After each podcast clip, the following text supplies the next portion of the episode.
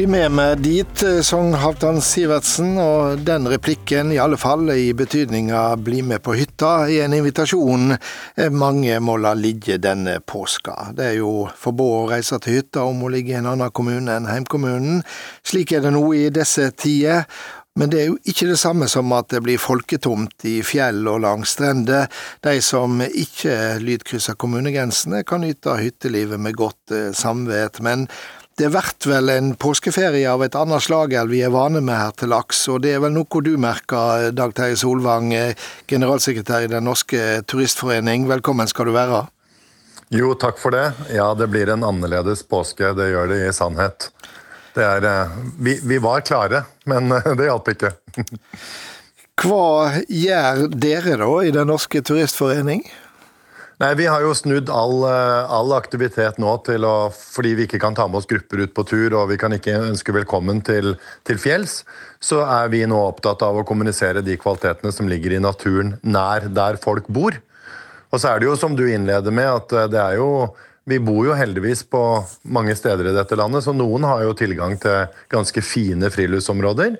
Eh, alle har tilgang til friluftsområder, men noen av de er kanskje litt trange hvis du bor i en stor by. da. Så da gjelder det jo å prøve å finne perlene eh, nær der du bor, uten at det er stedene der hvor alle andre går. Så du er på det sporet at her gjelder det å vise kreativitet også på dette området? Få det beste ut av enhver situasjon, det er nå mitt motto. ja, held det hardt og holde fast ved det nå i disse dager, eh, Dag Terje Solvang? Ja, ja, altså det er jo tiden for å grave seg litt ned og bli deprimert, men da blir jo livet bare så mye tyngre. Så det er jo viktig å prøve å, å klare å, å se, se, mulighetene som ligger der, da. Fordi det er jo nok tristesse i verden. Alle har til salt i såret, som uh, Kari Bremnes synger. og det er jo, Vi må jo prøve å få det, å få det beste ut av det og, og det. og det finnes jo mange fine turer. Jeg har sjøl fått erfare det når jeg har vært i Oslo de siste ukene. Det fins utrolig mange friluftsområder og perler hvor du nesten er helt aleine, som er bare en gåtur eh, fra byen. Så, og er, sånn er det over hele landet. Hvordan eh, lyder dette i dine ører, sosialantropolog Marianne Lien? Velkommen også til deg. Tusen takk. Nei, det er klart eh, man må jo gjøre det beste ut av situasjonen, som det sies her. Det, er, det gjelder vel de som har egen hytte som de ikke kan besøke, og alle andre som bor på steder, som man sier. Marka er nær, og andre muligheter fins jo. Du har forska på hyttekulturen i, i, i, Norge, og ble du overraska over at det nettopp her i landet, med denne inngrodde hyttekulturen, så ble det vedtatt et hytteforbud? Ja, det, jeg var nok litt overrasket. Eh, den kom jo brått på. altså Man tenker jo ikke så langt som, som hvordan kommunale helsetjenester fungerer. Det er ikke, det er ikke en ting vi, de fleste av oss uh, grubler over til daglig. Så det er klart, jeg tror veldig mange andre var overrasket også, ja. Mm. Nå er det noen uker siden, og vi er jo et ganske lovlydig folkeferd, men, men, men hva fortalte debatten som ja, nesten eksploderte, kan jeg vel si, hva fortalte den deg? Jo, den syns jeg var veldig interessant. Altså, vi fikk jo en hel haug med tiltak den 12. mars. Eh, ekstremt mye alvorligere inngripen i vårt liv enn denne, dette hytteforbudet. Altså Når barnehager og skoler stenger, så er det store forandringer i folks liv. Og likevel så var det det her som liksom ble eksploderte da, i, i, i sosiale medier, blant annet. Eh, jeg syns det var eh, interessant, fordi Altså Den første tanken er jo at å, nå blir folk kjempelei seg for de kan ikke være på hytta si i påsken. Men jeg syns ikke det er, eh, kan forklare at dette engasjementet ble så sterkt. Jeg tror, tror egentlig ikke at folk er så opptatt av, av, akkurat det. Og nå ser vi jo, nå var det en undersøkelse senest i går som viste at eh, jeg tror det var 85% oppslutning om dette her, så folk skjønner jo poenget. Men når det likevel ble en sånn brå reaksjon, så tror jeg det har å gjøre med at hytta er noe mer enn et feriested hytta representerer for mange mennesker også en idé om at det er et sted der jeg kan klare meg selv, og et sted jeg kan dra hvis det blir vanskelig andre steder, eller hvis det blir vanskelig i byen der jeg bor. Hvor, um, ja. Hvordan eh, opplevde du, Dag Terje Solvang, eh, denne debatten fra, fra, din posisjon som eh, generalsekretær i, i Turistforeninga? Litt todelt, for vi forstår jo veldig godt at, at dette handler om kapasiteten på helsetjenesten lokalt. Og for, for oss er vi er helt avhengige av å spille på lag med den. For når vi, når vi har vårt hytte- og rutenettverk eh, rundt omkring i det ganske land, så er det jo der man rykker ut hvis noen av våre har behov for hjelp. Også i perioder når det ikke er korona. Men, men, eh, men, det rokker jo noe sånn grunnleggende. Det er veldig spennende den, den, den debatten nå. fordi det rokker jo noe sånn grunnleggende i oss. Vi har alle har et sånn lite escape room da, som ligger i denne hytteverdien, og, og det merker jo vi også på, på, på, tilbudet vårt når vi sier at hvis du vil ha en digital detox, så kan du gå på tur i fjellet og besøke de selv- og ubetjente hyttene våre, for de har verken strøm eller gjerne ikke telefondekning. Så det blir jo på en måte sånne fristeder hvor du kobler deg vekk fra alt. Og det skulle jo per definisjon være det tryggeste i verden. Og så ble ikke den derre rømningsveien ble plutselig blokkert. og det, Vi skjønner det jo på en måte, men eh, man må jo bare akseptere det. Jeg skulle vel eh, både deg og lytterne gjøre oppmerksom på at eh, ektemannen din er jo helseminister Bent Høie. Hvordan var, de, hvordan var liksom de, de ekteskapelige tautrekkingene akkurat når det gjaldt dette? For det går vel trygt an å si at du og helseministeren har en litt ulik inngang til dette, denne problemstillinga? Ja, øh, men du vet, jeg er en, jeg er en lydig, jeg lydig husband. så husbond, så, så jeg, jeg, Nei, altså jeg, tror det Marianne Lien sier, at man, man, forstår jo alvoret i dette, og man forstår liksom hvorfor man gjør det. Fordi det handler altså det rasjonelle delen av meg kjøper alle argumentene. Og så er det jo den følelsesmessige, men jeg vet jo at det, det sliter jo han med òg. Vi har jo vår egen hytte hvor vi er utrolig glad i, og hvor, som er liksom stedet hvor vi rømmer til hvis det butter litt, eller du trenger liksom et fristed da, på en eller annen måte. Og, og, og, så er ikke den Og påsken kom, og vi skulle ikke være på stavkjøren. Det var, det, det var, veldig krevende, eh, og det er veldig krevende for oss alle sammen. Så man skjønner det jo. Men, eh, men jeg må si det at når uh, når Bent bestemte seg for å liksom stenge ned hele inntektsstrømmen vår, så kjente jeg at det ble litt sånn Oi, hvordan skal jeg forsvare dette internt i foreningene? ja. Tok eh, fram meg livsgrunnlaget. ja, du får, eh, du får, jo trøste deg med at eh, du var ikke den eneste som har mista en del av yrkeslivet sitt akkurat nå. Vi, vi, er slett ikke ferdig med å snakke om hytteliv, og, og ikke minst dette med beredskap og tilfluktssted. Ja, det er fremdeles eh, med eh, Dag Terje Solvang, generalsekretær i eh, Norske Turistforening, og sosialantropolog Marianne Lien. Og jeg har ikke lyst til å slippe helt dette med hytta som en tilfluktsstad. For eh, det er vel sånn, Marianne Lien, at norske hytter har vært viktige nettopp eh, som en sånn plass. Eh, ikke bare under krigen, men også under sykdomsutbrudd som spanskesjuka tidligere i forrige århundre. Ja, det er, det er helt riktig. Og jeg var faktisk ikke klar over hvor alt dette her er liksom gått opp for meg etter at jeg har vært litt i nyhetene omkring dette spørsmålet. Jeg fikk annet en e-post fra en dame som forteller om sin oldemor, da, som, som, hadde, som, bodde i Oslo, og som forteller, mm. forteller at eh, da det var sykdom i byen, som de skrev, da evakuerte de til, til, forskjellige hytter. Og de leide seg en hytte ved Haugastøl allerede i 1910, nettopp med tanke på sykdom i byen. Etter hvert så kjøpte denne damen to hytter på Ustadhuset, Én for de eventuelle syke, og én for de friske som skulle stelle de syke. Og hun hadde matlager i jordkjelleren, og hun hadde robot på Ustevann for å fange fisk. Altså hun, hun drev beredskap på høyt nivå. Og jeg tenker at uh, egentlig så er for noen personer så er disse hyttene også nå kunne ha vært en veldig viktig form for beredskap for å beskytte seg mot smitte. Uh, som vi ikke får lov å bruke, men som jeg tenker spesielt på personer som er eh, særlig eh, sårbare, utsatt. Eh, det er ganske mange av oss for tiden. Hvis du er en sånn person, så er du jo ikke en sånn sårbar gruppe. Du er et individ, du er en person som ofte lever med andre personer i familien som ikke er sårbare.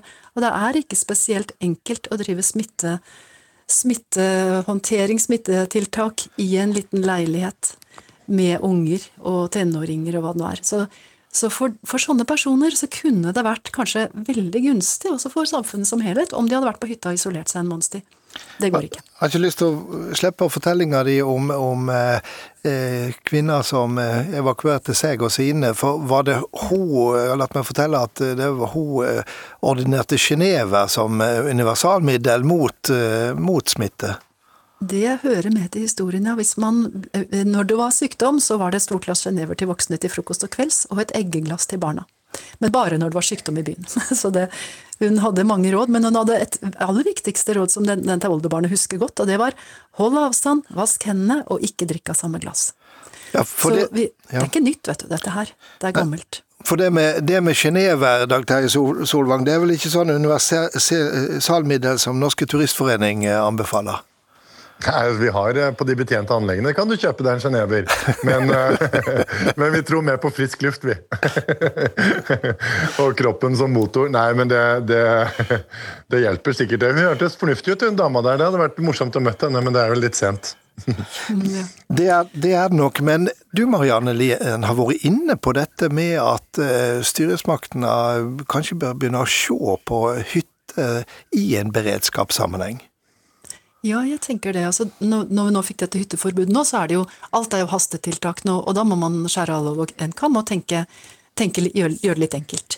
Men eh, det er klart, når vi, når vi på, får meldinger fra Direktoratet for samfunnssikkerhet og beredskap som sier at du er en del av Norges beredskap, og du skal passe på å ha så og så mange liter vann i kjelleren og lommelyktbatterier og alt sånt noe, så, så tenker man jo på at alle mennesker bor i hus, og så har vi altså en halv million hytter i dette landet, nesten. Og det er, det er ganske mye materielle ressurser. Og hvis det er behov for å spre folk tynt utover, ja, så kunne vi altså ha gjort det. Vi kunne på en måte flytta noe av befolkningen ut av de byene og ut og spredt dem rundt. Og det kan være at dette kunne vært tenkt på også som en del av løsningen, ikke bare som en del av problemet. Da må man selvfølgelig koordinere kommunal helsetjeneste, ikke bare dumpe alle syke i en liten hyttekommune. Det går jo ikke. Nei, for der er vel litt forskjell fra eh, tidlig på, på 1900-tallet, som ditt eh, eksempel var. Disse voldsomme konsentrasjonene av hytter, det er jo et relativt nytt fenomen, Marianne Lien, er det ikke det? Ja, det er absolutt et nytt fenomen. Og så er det jo, hører det mer til historien at det er mange flere hytter. Så det er jo ikke det samme. Men ca. halvparten av alle hyttene i Norge ligger ikke i sånne konsentrerte uh, hytte, hyttebyer, eller hva skal vi si, hyttefelt. De ligger spredt. Så da har vi også halvparten av en halv million som ligger ganske spredt. Så det er, ikke, det, er sånn, det er, ikke, et helt enkelt svar at det kunne vi gjøre før, og det kan, kan, vi ikke gjøre lenger nå. Dessuten så har vi jo bil i dag. Det tok lang tid å reise fra Ustadhuset til Oslo mm. i gamle dager. Men denne koronaen, eh, symptomene kommer jo ikke over natta. Altså det, du blir ikke kjempesyk på én dag. Du blir gradvis syk. Så det er klart at man kan forestille seg at folk som er utsatt, kunne bodd på en hytte og kommer seg hjem med en bil hvis de trenger det. Så jeg, Dette er ikke for å si at nå skal, vi, nå skal vi gå imot dette rådet. Jeg vil bare si vi holder oss hjemme nå, vi følger myndighetens råd lojalt. Dette er for alvorlig til å tøyse med. Men på sikt så går det an å tenke flere tanker her om det. Eh, jeg har registrert eh, Dag Solvang, at eh, det er kreativitet også i Den norske turistforeninga. Mellom annet så har det nå gjort tilgjengelig lydopptak fra, fra fjellturer som en nå kan sitte hjemme og høre på. Vi skal ta et lite kutt nå.